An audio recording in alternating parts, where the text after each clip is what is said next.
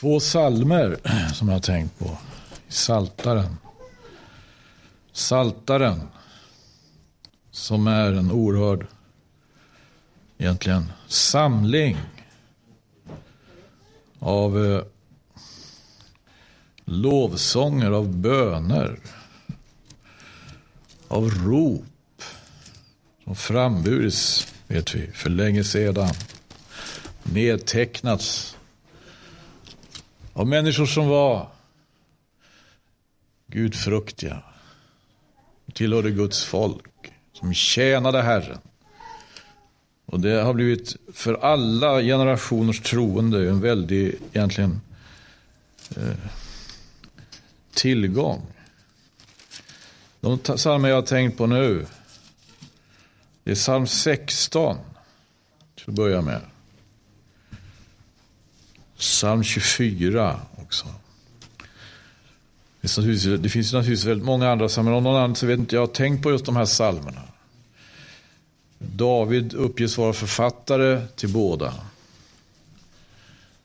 David som var en märklig Herrens tjänare. Konung var han.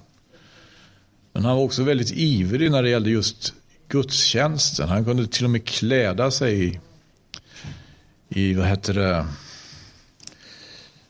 i sådana här, vad heter det, fotsid.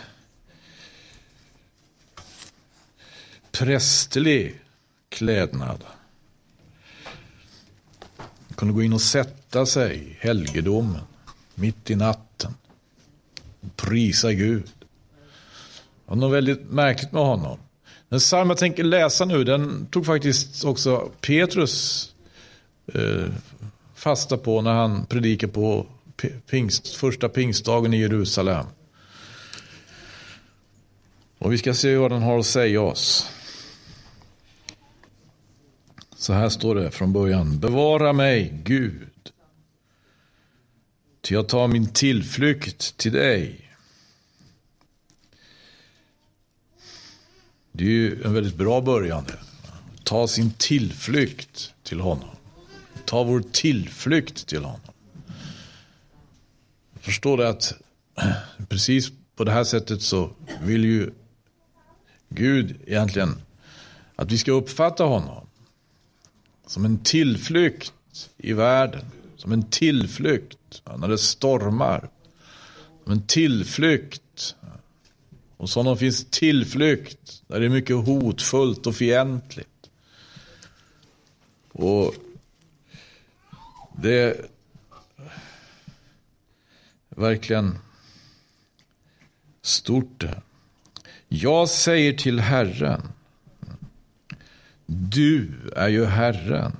För mig finns intet gott utom dig. Det är ganska intressant. Det kan översättas också. Jag vet icke av något gott utom dig. Egentligen var ju det här svaret som var på Jesu läppar. Vet vi när det en gång kom fram en man till honom. Ivrigt skyndade någon fram. Och Jesus talade till, till, till, till, till människorna. Vi kan läsa om det här i Markus evangeliets uh, Matteus evangeliets 19 kapitel. Tror jag va? Eller kanske hellre Markus evangeliet. Samma sak. Markus evangeliets tionde kapitel tror jag vi tittar i. Markus evangeliets tionde kapitel. Det står så här där i sjuttonde versen. När han sedan begav sig åt stad för att fortsätta sin väg, det var alltså Jesus, skyndade en man fram och föll på knä för honom och frågade honom. Gode mästare, vad ska jag göra för att få evigt liv till arvedel? Jesus sa till honom, varför kallar du mig god? Ingen är god utom Gud alena. Jag vet icke av något gott utom dig. Ingen är god, sa Jesus, utom Gud alena.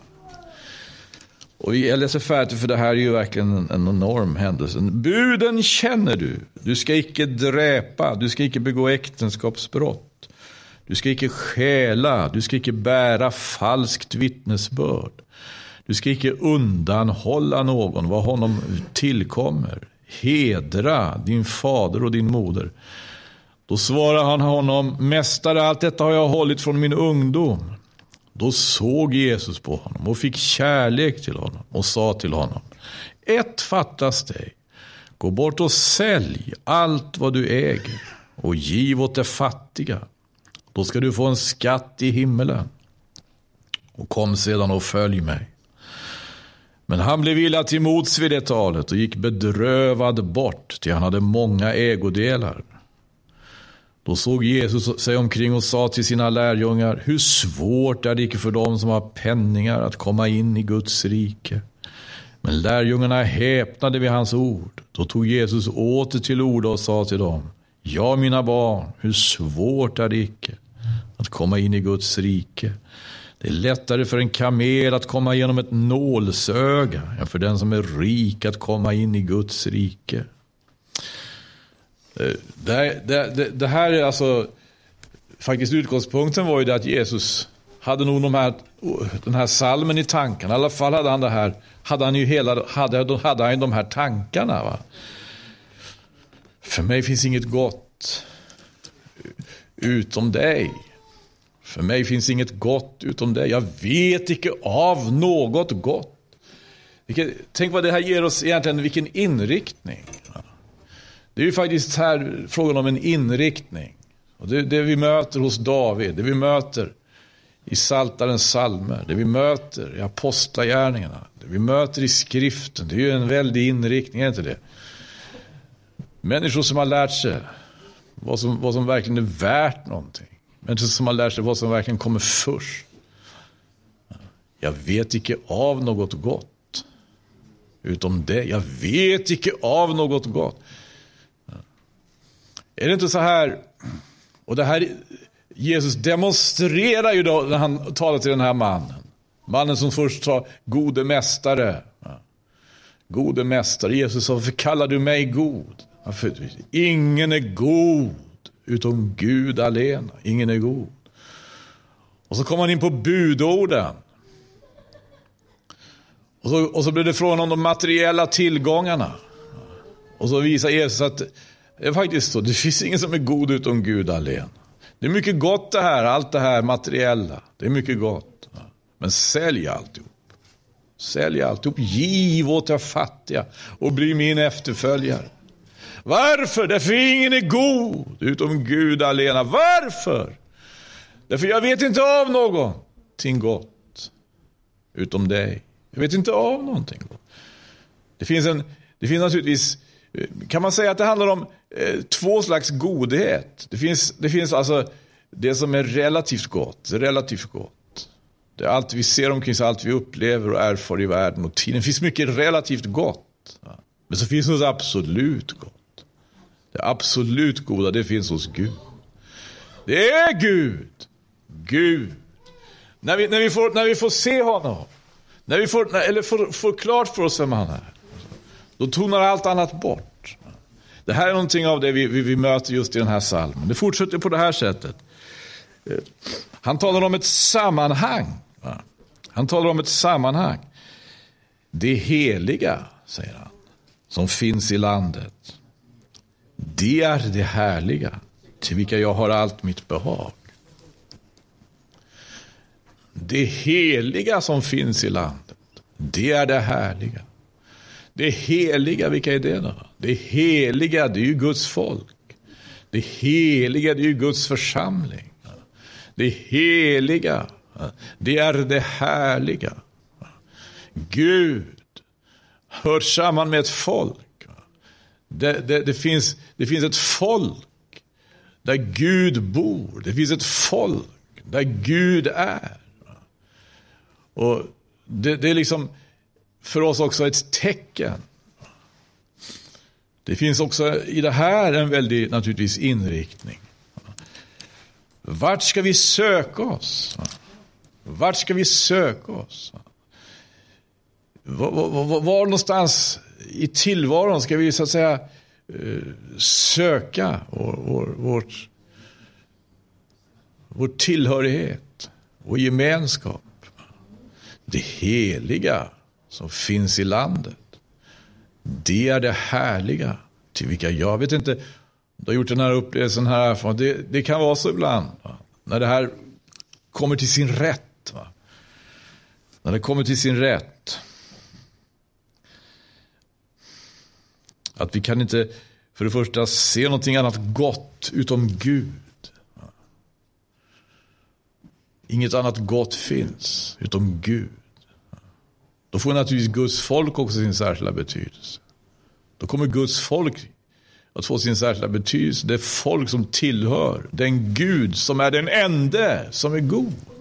Det är folk som tillhör den ende som är god. Men det skriver han i det här som tagat sig en annan Gud. Det har stora vedermödor. Jag vill icke offra deras drickoffer av blod eller ta deras namn på mina läppar. Oerhört. Det, det absolut goda, Gud själv, är alltså, hör samman med sitt folk. Hör samman med, kan vi säga, eh, sådana saker som att äta och dricka. När vi kommer till tro på Gud, när vi kommer till tro på Jesus Kristus, vi kommer i kontakt med människor, vilka det är? Det är de heliga. Vi börjar sitta tillsammans med folk som vi, vi äter och dricker. Vad handlar det om? Vi får näring. Vad är det för näring? Jesus Kristus säger den näring som han ger, det är själva livet. Ja. Jag är livets bröd. Ja. Står det inte så? Jag är livets bröd. Att vara tillsammans med ett folk vars Gud Herren är. Det är som vi i den kristna församlingen bekänner. Jesus är Herre. Jesus är Herre. Jesus är Herre. Att sitta ner tillsammans, äta och dricka. Sitta ner tillsammans. Du, det, här, det är inte vad som helst. Vad fyller vi? Vad fyller vi våra liv med för någonting? Vad fyller vi våra hjärtan med för någonting? Vad är det vi har i våra tankar? Tycker vi verkligen som, har vi verkligen den här uppfattningen? Delar vi Jesu Kristi värderingar? I, i, i, i, i, i det här förhållandet? Det finns ingen som är Gud, god utom Gud alena. Är det verkligen så att vi tycker det? Om det verkligen är så att vi tycker det, då måste det naturligtvis påverka oss. Om det verkligen är så att vi menar det, som den här salmen säger, som Jesus själv säger. Det måste naturligtvis påverka våra val, det måste påverka våra handlingar, det måste påverka vår inriktning. Vår inriktning, vilken inriktning har vi? Vilken inriktning. Herren är min beskärda del och bägare. Du är den som uppehåller min arvedel. Det här är verkligt radikalt. Det. Ett folk. Ett, ett umgänge. Ett bord man sitter ner, man äter och dricker. Man får näring, man får intryck. Man delar så att säga tankar. Vad är det? En plats där man delar sitt hjärta, en plats där man delar sina tankar. En plats. Och det visar sig vara så allvarligt det här att det står att Herren är min beskärda del och bägare. Vet du, det, här, det, här, det här handlar om alltså den, den prästerliga kallelsen. Det handlar om den präst, Guds folk vet vi. Det är ett, det är ett konungsligt prästerskap. Ett konungligt prästerskap. Ett konungligt prästerskap. Det fick Mose veta vid Sinai berg. Det fick aposteln Petrus veta också. Han tar inte ifrån någonting. Från den nytestamentliga kristna församlingen. Av, det, alltså säga, av, av, den här, av denna kallelse, av denna ursprungliga egentligen, på sitt sätt mosaiska kallelse. Därför vad var det som skedde vid Sinai berg. Det står så här i Andra Mosebok. I, i, i det nittonde kapitlet.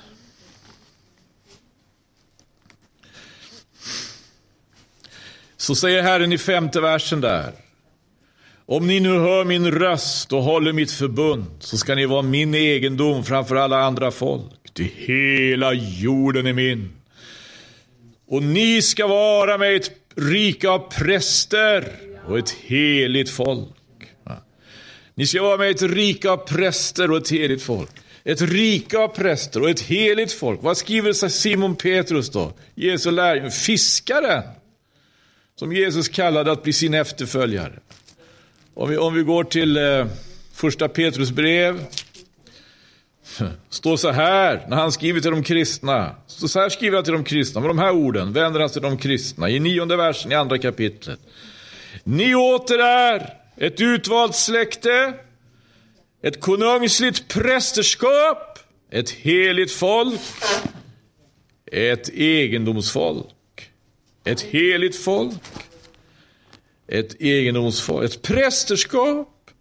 För att ni ska förkunna hans härliga gärningar. Han som har kallat er från mörkret till sitt underbara ljus. Kallade från mörkret till sitt underbara ljus. Vad betyder det? Kallade från mörkret till hans underbara ljus. Man vet vilken inriktning man har. Man vet att det finns ett absolut gott. Man, man, man, man, halleluja. Har kommit till tro på den levande guden. Blivit hans tjänare. Fått höra också den här prästliga kallelse. Den prästliga kallelsen. Som i sin tid leviterna, leviterna gestaltade, den prästliga kallelsen som leviterna gestaltade. Det går just ut på detta. Herren är min beskärda del. Och bädde, för de hade ingen arvedel bland de andra stammarna. Vet leviterna, det var en folkstam i Israel, de hade ingen arvedel. De hade inte som de andra mark. De skulle inte som de andra vad heter det, bygga och bo, inte som de andra. De skulle inte exploatera som de andra. De skulle tjäna Gud. De skulle stå inför hans helgedom. De skulle vara med så att säga och eh, betjäna eh, de smorda prästerna. Eh, och se till att folket så att säga kunde komma till med sina offer. De skulle ha uppsikt. Ja, underbar uppgift. Men de skulle inte ha någon arvedel bland de övriga israeliterna.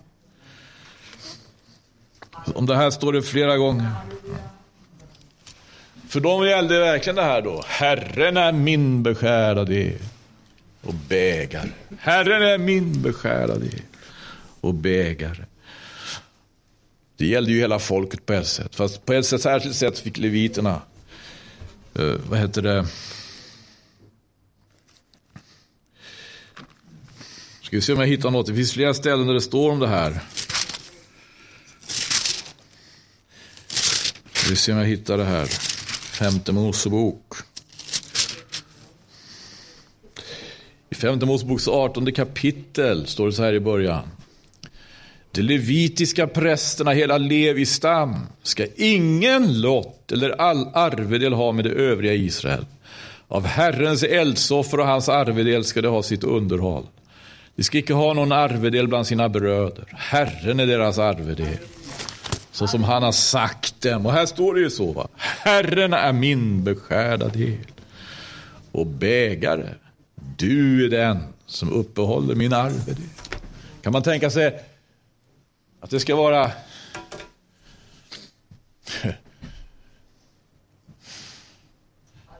allt vad en människa behöver, låter det. Va? Är det kan det vara allt vad vi behöver?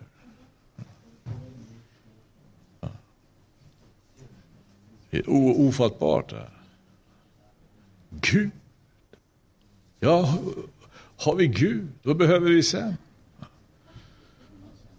Det absolut goda. Det finns mycket relativt gott. Problemet är att vi många gånger vi fastnar i det här relativt goda. Det blir för oss så väldigt, så väldigt, så väldigt betydelsefullt. Fastnar i det. Den här mannen som rusar fram till Jesus, föll ner för honom, kallade honom gode mästare. Han har ju tagit väldiga intryck av, av Jesus, men han har tyvärr, tyvärr tagit ännu större intryck av det relativt goda som in, omgav honom. För det kunde han inte slita sig från. Vilken tragedi. Men det har ju också att göra med det här. Jesus är sannerligen inte så lätt att få syn på. Och även om han kan göra oerhörda intryck. Så, så kanske det var ändå så att han inte han fick inte riktigt se Jesus. För jag är övertygad om, hade han riktigt sett honom. Hade han riktigt fattat att den här mannen kommer från, den, från det absolut goda. Från Gud. Då hade det inte varit något problem för honom. Det hade inte varit. Då hade han gjort sig av med allt det relativt goda för att få det absolut goda. Det hade inte varit något problem för honom. Det heter så här. En lott har tillfallit mig. I det ljuvliga. Jag har ett arv som behagar mig väl. Ja, det är det handlar om, jag talar om här. Jag vill lova Herren, till han ger mig råd. Än om natten manar mig mitt innersta.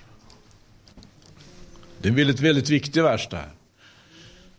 För du vet att det går inte att komma någon vart med Gud och med kallelsen som, vi, som Gud utan att det engagerar vårt innersta. Det måste engagera vårt innersta, det är det här vet du. När vårt innersta, när vårt innersta så att säga blir för Gud en boning. När inte det är andra saker i, i oss liksom.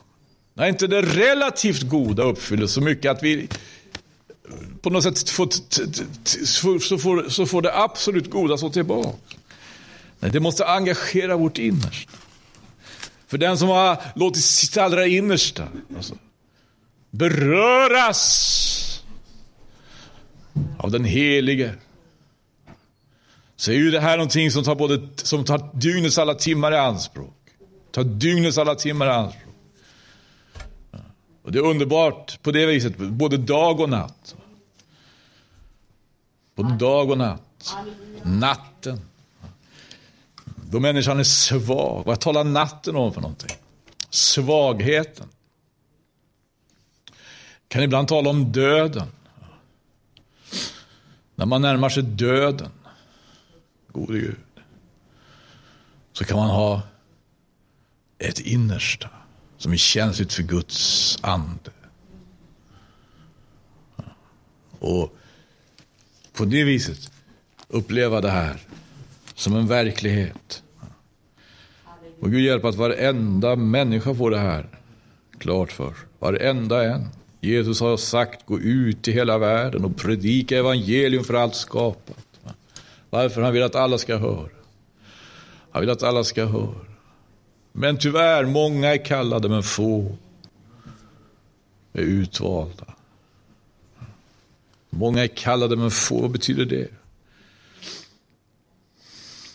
Det betyder att det är faktiskt inte så många som aktar sig själva, vadå, värdiga Guds kallelse.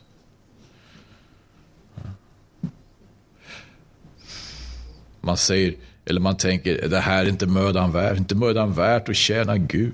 Inte mödan värt, man tycker inte det är värt något. Vad man i själva verket, vad man i själva verket gör är att man underkänner sig själv.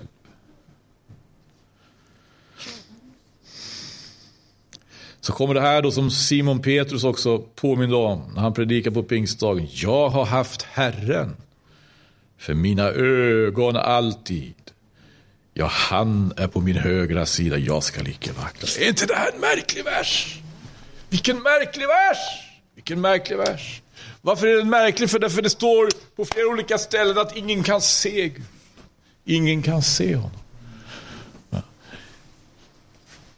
Herren Gud säger till Mose i andra Moseboks 33 kapitel.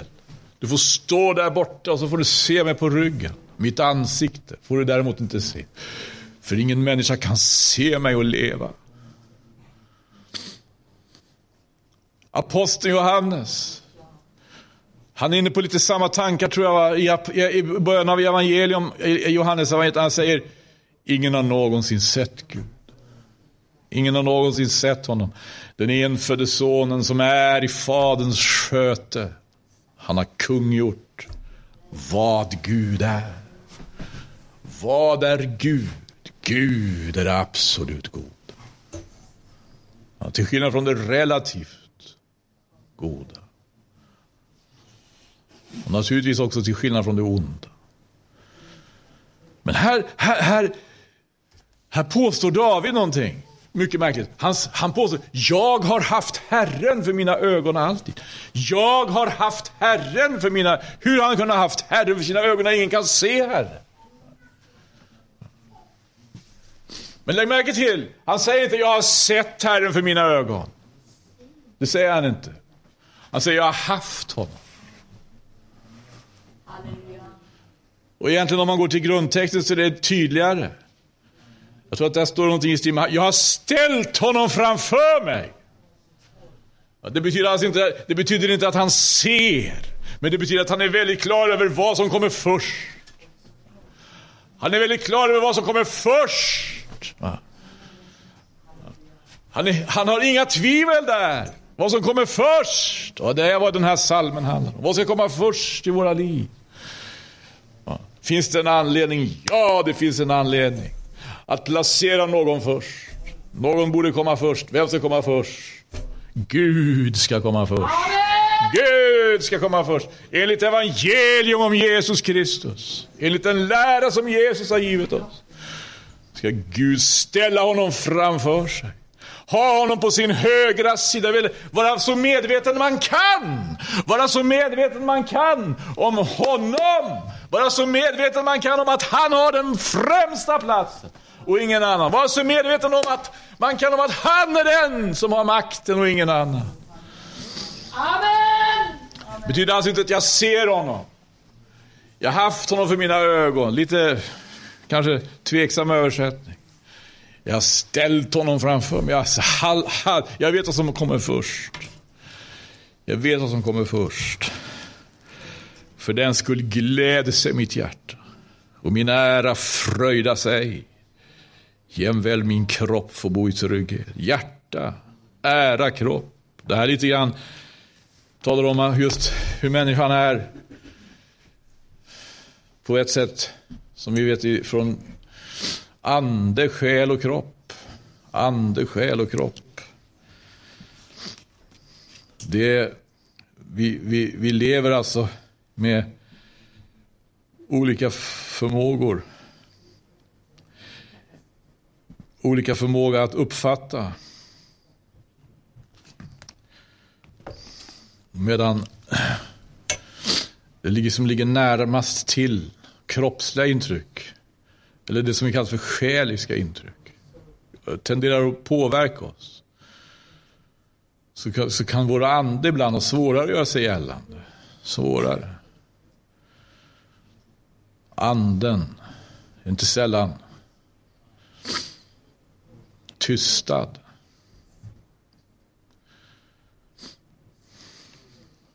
Och det här är väldigt allvarligt när det är frågan om Jesu Kristi evangelium. För vi vet, det kommer vi ingen vart med. Om vi inte, respekt, om vi inte, om vi inte på, som det heter, vadå? Låter Gud ge oss liv. Det livet han ger, det är ju, som vi vet, ett andligt liv. Född av, född på nytt, född av vatten och ande. Ty du ska icke lämna min själ åt dödsriket, du ska icke låta din fromme få se graven. Du ska kungöra mig livets väg. Du ska kungöra mig livets väg. Det är det Gud vill göra. Det är därför han sänt sin son. Därför har hans son Jesus Kristus kommit och hans son Jesus Kristus har sagt Jag är vägen och sanningen och livet. Halleluja! Ingen kommer till Gud utom genom honom. Jag är vägen och sanningen och livet. Du ska kungöra. Du ska kungöra med livets väg. Vad betyder det? Gud ska själv tala om Kristus. Gud ska själv vittna om Kristus. När Kristus kommer, då är det det som är så avgörande med honom. Att det är Gud som talar om honom. Gud talar om honom, Gud talar genom honom. Och när han talar, så talar han om Guds vägnar. Gud talar om honom och Gud talar genom honom. När Gud förkunnar Kristus, när Gud själv förkunnar Kristus. Det vet vi, det gör han. Det är, det är det han som gör det. Då är det om sig själv han talar. Det är det för att han vill tala om det absolut goda för oss. Då vill han ju förklara för oss varför vi ska välja det absolut goda framför någonting annat. Då vill han ju förklara för oss att vi ska välja den vägen som kallas för livets väg framför någon annan väg. Tala till oss om Kristus. Talar inte Gud om Kristus? Har ni inte läst? Har ni inte läst? Jag tror det är alla fyra evangelierna står. Att vid något tillfälle så talar Fadern själv. Det var väl då han lät döpas av Johannes i Jordan. Då hördes ju Faderns egen röst. Från ovan. Den är min älskade son, i vilken jag har funnit behag. Varför sa han det? För att det ska vara något tvivel om var han är. Vi ska inte hysa något tvivel om var han möter oss. Vi ska inte hysa något tvivel om var han bor. Han bor i sin son. Vi ska inte hysa något tvivel om hur vi kommer i kontakt med honom och på vilket sätt han gjort sig tillgänglig för. Han har gjort sig tillgänglig genom sin sons, sin enfödde sons, Jesu Kristi namn. Därför så säger profeterna, det är så allvarligt, Joel säger, var och en som åkallar Herrens namn, han ska bli frälst. Inget tvivel om var han är. Inget tvivel. Han är där. Han är där, han är i Jesus. Och när, när Jesus själv kommer, när Jesus själv talar och när människor tar intryck av honom. Då säger han ändå så. När någon faktiskt inser att det här är inte vem som helst. Men den här människan är ju suverän. Vad är det med honom? Han är god onekligen. Gode mästare, gode mästare. Varför kallar du mig god? Första han säger. Varför kallar du mig god? Ingen är god utom Gud alene. Varför hade Jesus invändningar på, på den punkten, när han blev kallad god? Därför han, det var hans uppgift att vittna om det absolut goda. Det var hans uppgift att vittna om sin fader. Mycket allvarligt. Han kommer inte för att vittna om sig själv bara. Han kommer för att vittna om sin fader. Han kommer för att fullgöra den så att säga, vilja som har sänt honom. När han kommer så kommer han inte för att utföra någonting eget. Det, är mycket, det här gör han ju väldigt klart också, gör han inte det? Han talar Johannes evangeliets femte kapitel till de som lyssnar.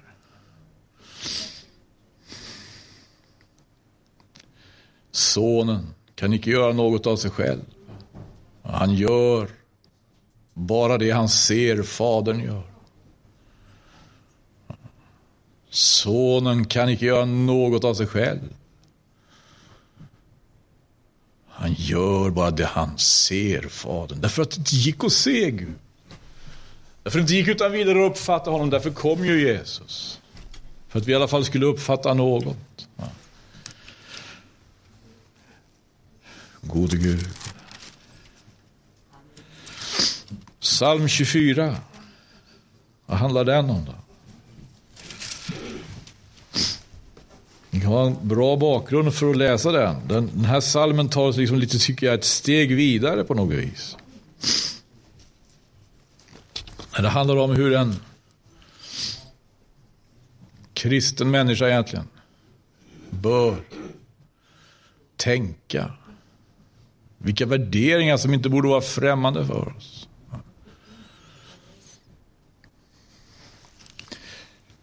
Det heter så här, psalm 24. Jorden är Herrens och allt vad därpå är. Jordens krets och det som bor därpå. Det är ganska intressant. Jorden är Herrens och allt vad därpå är. Jordens krets och det som bor därpå. Understryks att det är Herrens. Men det gör det ju inte alltid. Jorden gör ju naturligtvis intryck på oss därför den är så stor. Den är så omfattande. Jordens krets, eller som det också kan översättas, världen, den, den bebodda jorden. Alla människor som bor på jorden. Det är så mycket ju, människor. Det är så väldigt många. Stora saker va. Men jorden, hela jorden. Oerhört stora saker. Höga berg och djupa dalar. Väldiga vidder och terräng. Skogar och mark. Hav och djup. Det är liksom, det tar oss ju. Det, det, det, man ser någonting av en, en, en vacker natur. Så man, blir, man blir faktiskt, man, blir så, man kan bli så, så tagen av det. Va? Så man, tycker det, man behöver inte tänka på Gud för det, det är ju stort som det är. Det är i stort som det är. Naturen är naturligtvis praktfull och stor som den är. Men nu säger skriften ifrån. Skriften säger ifrån, skriften säger ifrån, för människan kan verkligen fascineras. Oh, vad människan kan fascineras av det skapade tingen. Men glöm inte, jorden är Herrens. Men det här är inte alla med på. Men det här är vad skriften säger. Jorden är Herrens, säger skriften. Och det, det tycker, tycker kanske eh, många är störande. Jag vill ägna mig åt det här praktfulla skådespelet utan att behöva tänka på den saken. Det är får de religiösa tänka på. Men det står så här i Bibeln, det står jorden är Herrens. Jorden är Herrens. När vi tar intryck alltså av naturen, när vi tar, tar intryck av det skapade tingen. Vi som tror på Herren, så har vi alla anledning så att säga, att sätta det här i det rätta perspektivet. Vad kommer först?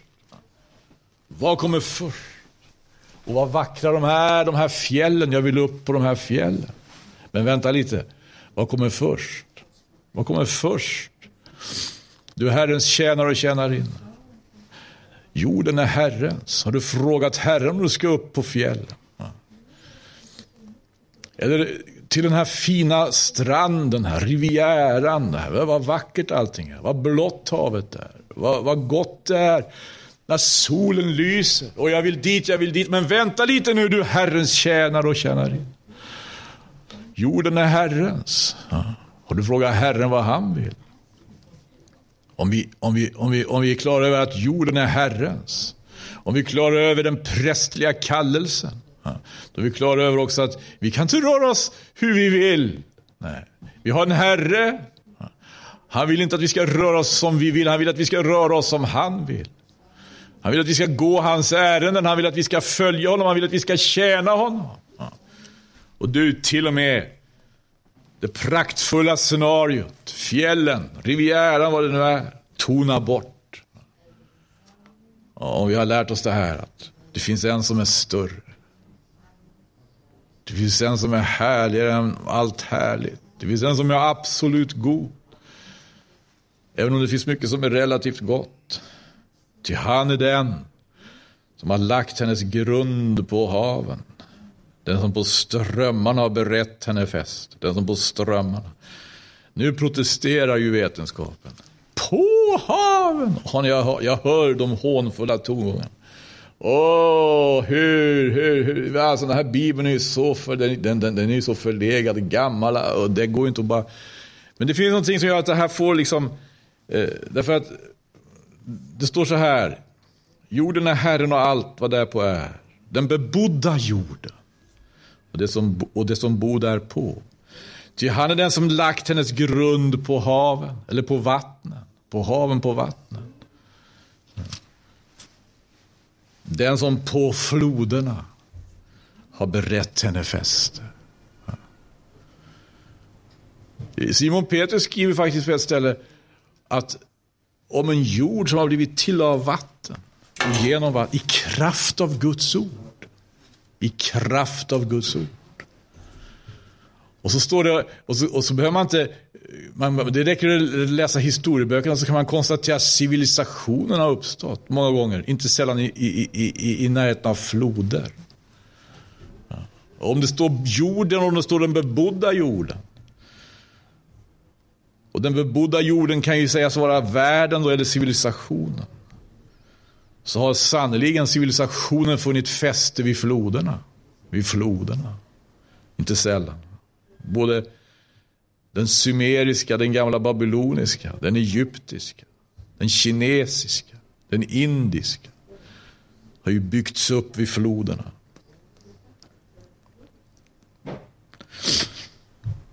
Och det här var inte små saker. Världen. Va? hela världen. Alla riken på jorden erbjuder ju en oerhört egentligen imponerande syn, gör det inte? Ta alla civilisationer och alla riken i världen idag. Ta de stora städerna. Visst erbjuder det en oerhört fascinerande anblick många gånger.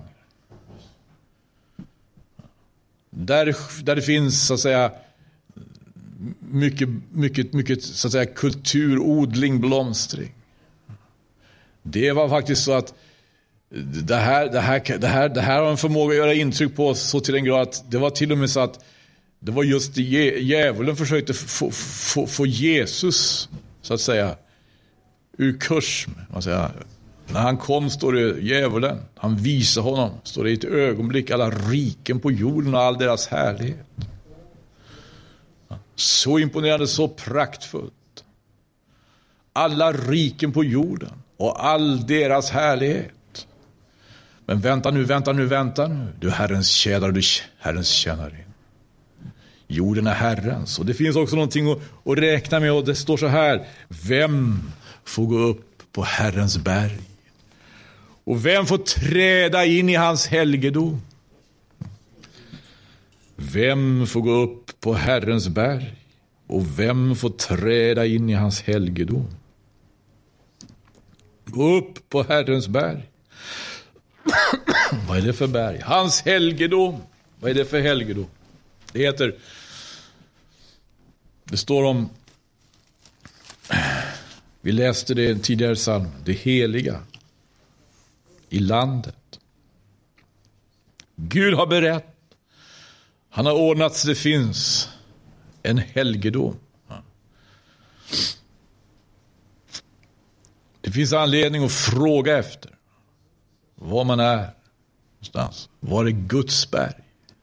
Vad är Herrens tempel? Vad är de som församlas i Jesu Kristi namn? Hur kommer jag dit? Var är de som församlas i Jesu Kristi namn? Vem får gå upp på Herrens berg? Och vem får träda in i hans helgedom? Bara det här är i och för sig det är ju en riktig invändning mot djävulen. Därför djävulen resonerar på ett helt annat sätt. Det läser vi om Jesajas 13 eller 14 kapitel. Vad var det han sa? Någonting? Jag vill stiga upp, sa han. Jag vill stiga upp. Jag vill stiga upp högt ovan molnen. Han vill stiga upp och sätta sig på helgedomens berg. Helgedomen.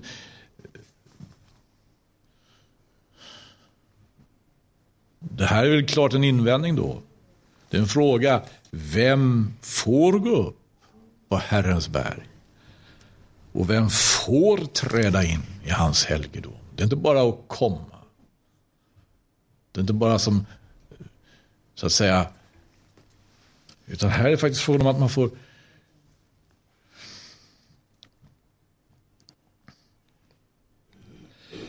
ödmjuka sig. Utan ödmjukhet kommer man ingen vart när det gäller Herrens berg. Inte när det gäller hans, inte när det gäller den gudstjänsten som han har tagit initiativet till. Den som har oskyldiga händer och rent hjärta. Den som inte vänder sin själ till lögn och den som inte svär falskt. Därför är det ju omöjligt att komma in i Herrens församling utan omvändelse. Ja, man kan komma in, man kan gå ut och man kan gå in. Man kan härja världen, man kan göra som Saul, man kan dra ut kvinnor och män ur husen rent av. Men man kommer inte in i hans helgedom för det. Det ser ut som om man fysiskt rör sig in i församlingen, men man gör inte det. För man kommer nämligen inte in utan omvändelse. Den som har oskyldiga händer och rent hjärta, den som inte vänder sin själ till lögn och den som inte svär falskt, han ska undfå välsignelse av Herren och rättfärdighet av sin frälsningsgud. Klarare kan det ju inte sägas. Att frälsningen är en gåva. Klarare tydligt kan ju inte sägas att rättfärdigheten är en gåva. Det är inte heller någonting som vi skaffar oss själva. Ingen skaffar sig rättfärdighet av egen kraft. Ingen skaffar sig rättfärdighet själv. Rättfärdigheten är en gåva som Gud ger åt den som ber honom om det. Gode Gud, ska vi prisa honom, tacka honom. Ska någon leda i bön här innan vi läser de sista verserna här?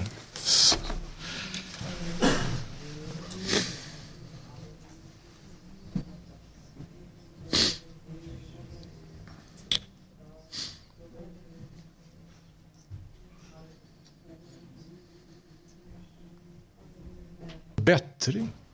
Vad härligt. Vad tycker du att det är?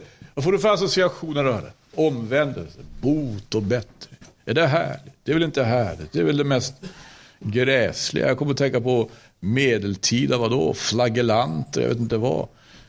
Nej Men omvändelse är härligt. Omvändelse är enormt.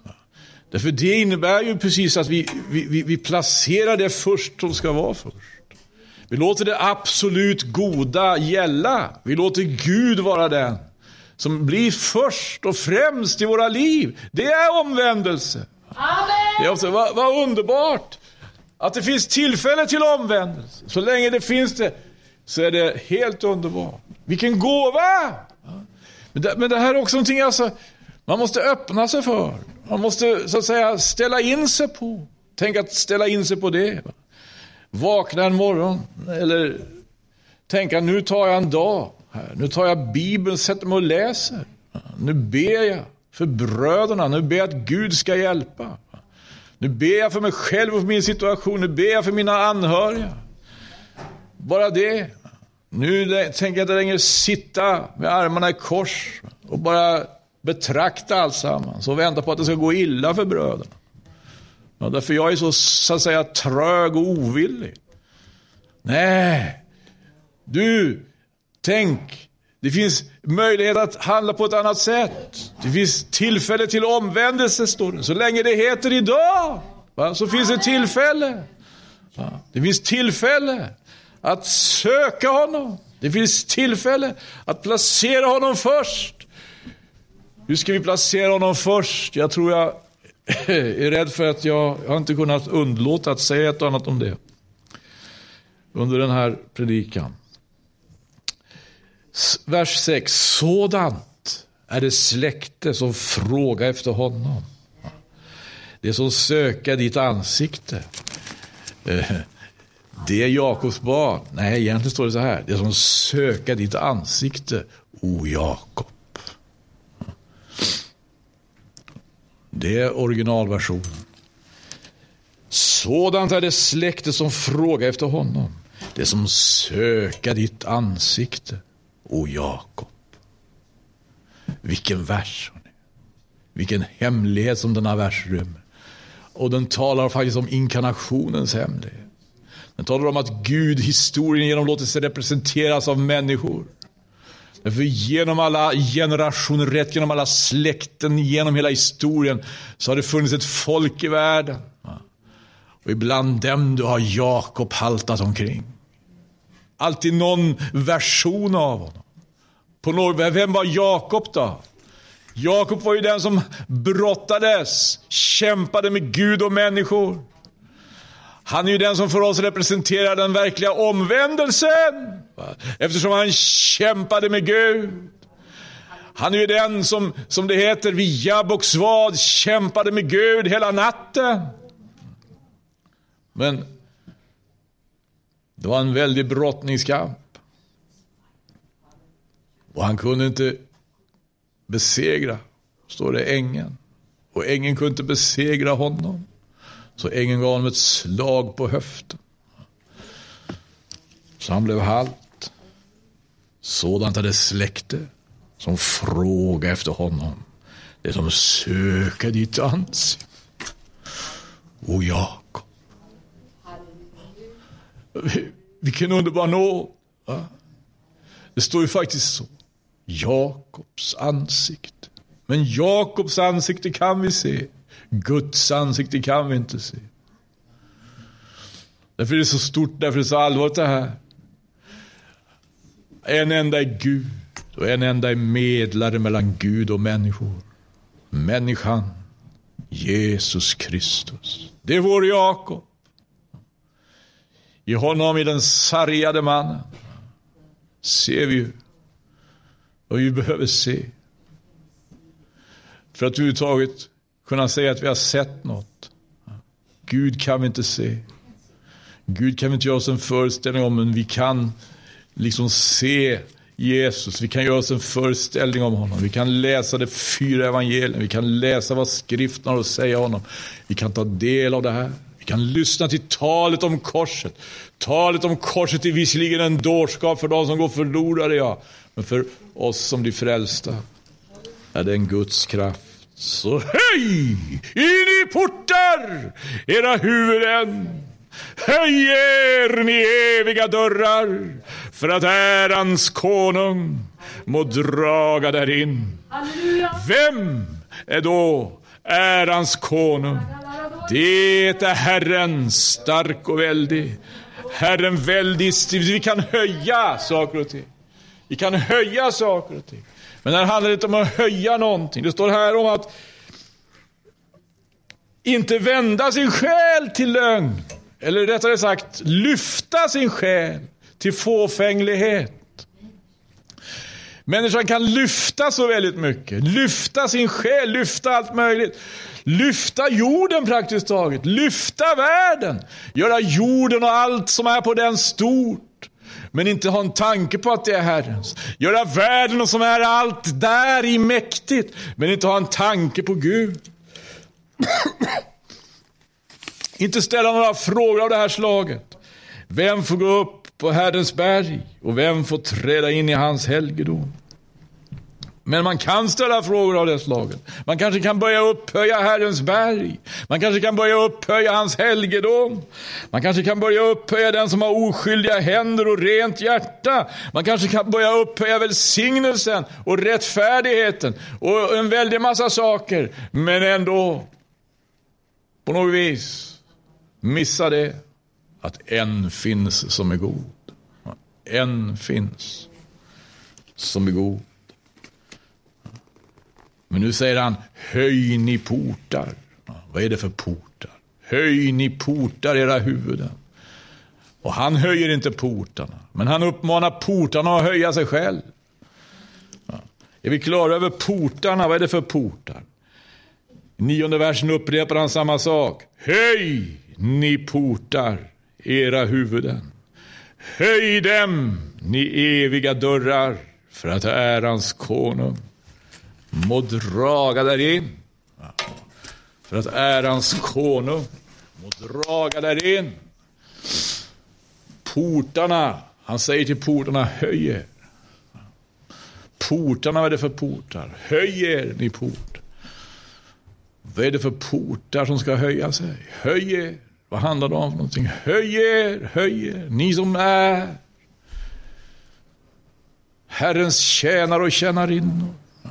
Ni som står i hans tjänst. Höj er! Lyft blicken, skåda upp. Inta en annan hållning, inta en annan beredskap. Se till att portarna höjer sig nu. Se till att begreppen formar sig efter Guds vilja. Se till att förväntningarna formar sig efter den heliga Ande. Höj er, ni eviga portar, ni eviga dörrar, för att ärans konung ska kunna göra entré. Är det inte det det handlar om? När vi väntar på Jesu tillkommelse. Någonting måste ju höja sig. Någonting måste, han talar om portar som höjer sig. Begrepp som höjer sig, förväntningar som höjer sig, folk som höjer sig, män som höjer sig, kvinnor som höjer sig, församlingar som höjer sig. Varför? Därför hans tillkommelse är nära! Varför? Därför att det gäller att vara redo för den stunden. Gud i himlen.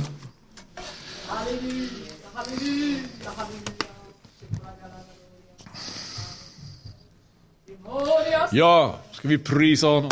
Ska vi tacka honom ytterligare? Någon leder i bön här. Herre, jag lovar att upphöja dig. Halleluja, halleluja, halleluja. Tack att vi får lyfta blicken och se dig. Tack för din nåd och härlighet. Tack för ordet som har kött och tog till vår ibland oss. Halleluja, halleluja, halleluja. Tack att vi får tillhöra dig idag, Herre. Tack för nåd utöver nåd att få dig. Och så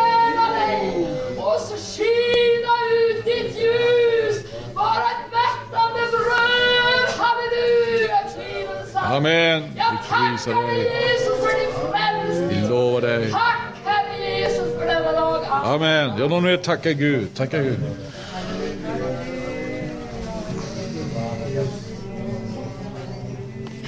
Tacka dig Herre. Prisat vare ditt namn.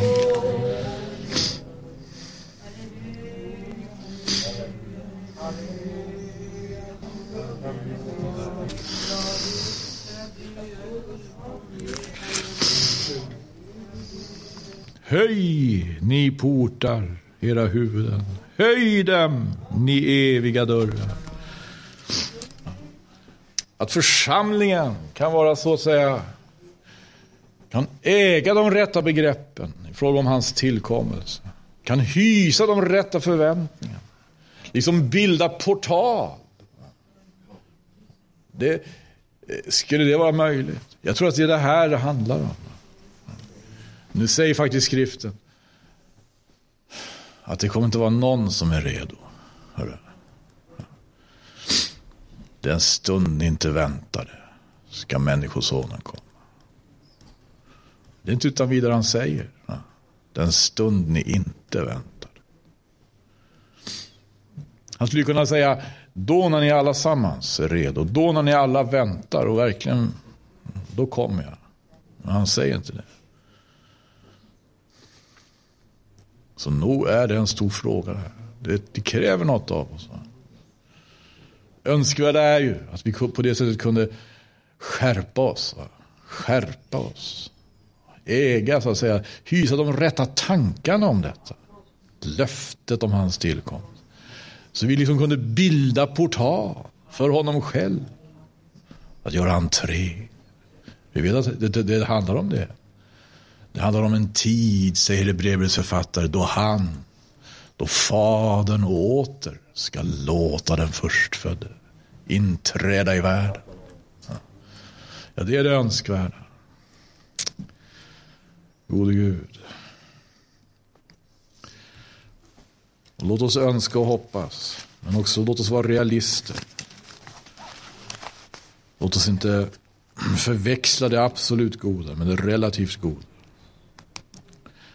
Och så inte så att säga bli, så se till att vi inte blir snärjda, insnärjda eller fångade på något sätt. I, en, I den listiga väv av anledningar som världen vill erbjuda. Det finns ett annat erbjudande. Just i ord som vi har fått höra. Och Gud välsigne oss. Herre Jesus, vi prisar dig. Vi tackar dig. Herre, vi ber att du ska hjälpa oss. Led oss. Hjälp oss var och en. Hjälp att vi var och en, Herre. Gud kan låta oss formas av dig. Låt oss föras och ledas. Helgas. Och halleluja, du ska Du ska låta allt samverka till det bästa för dem som älskar dig. Amen.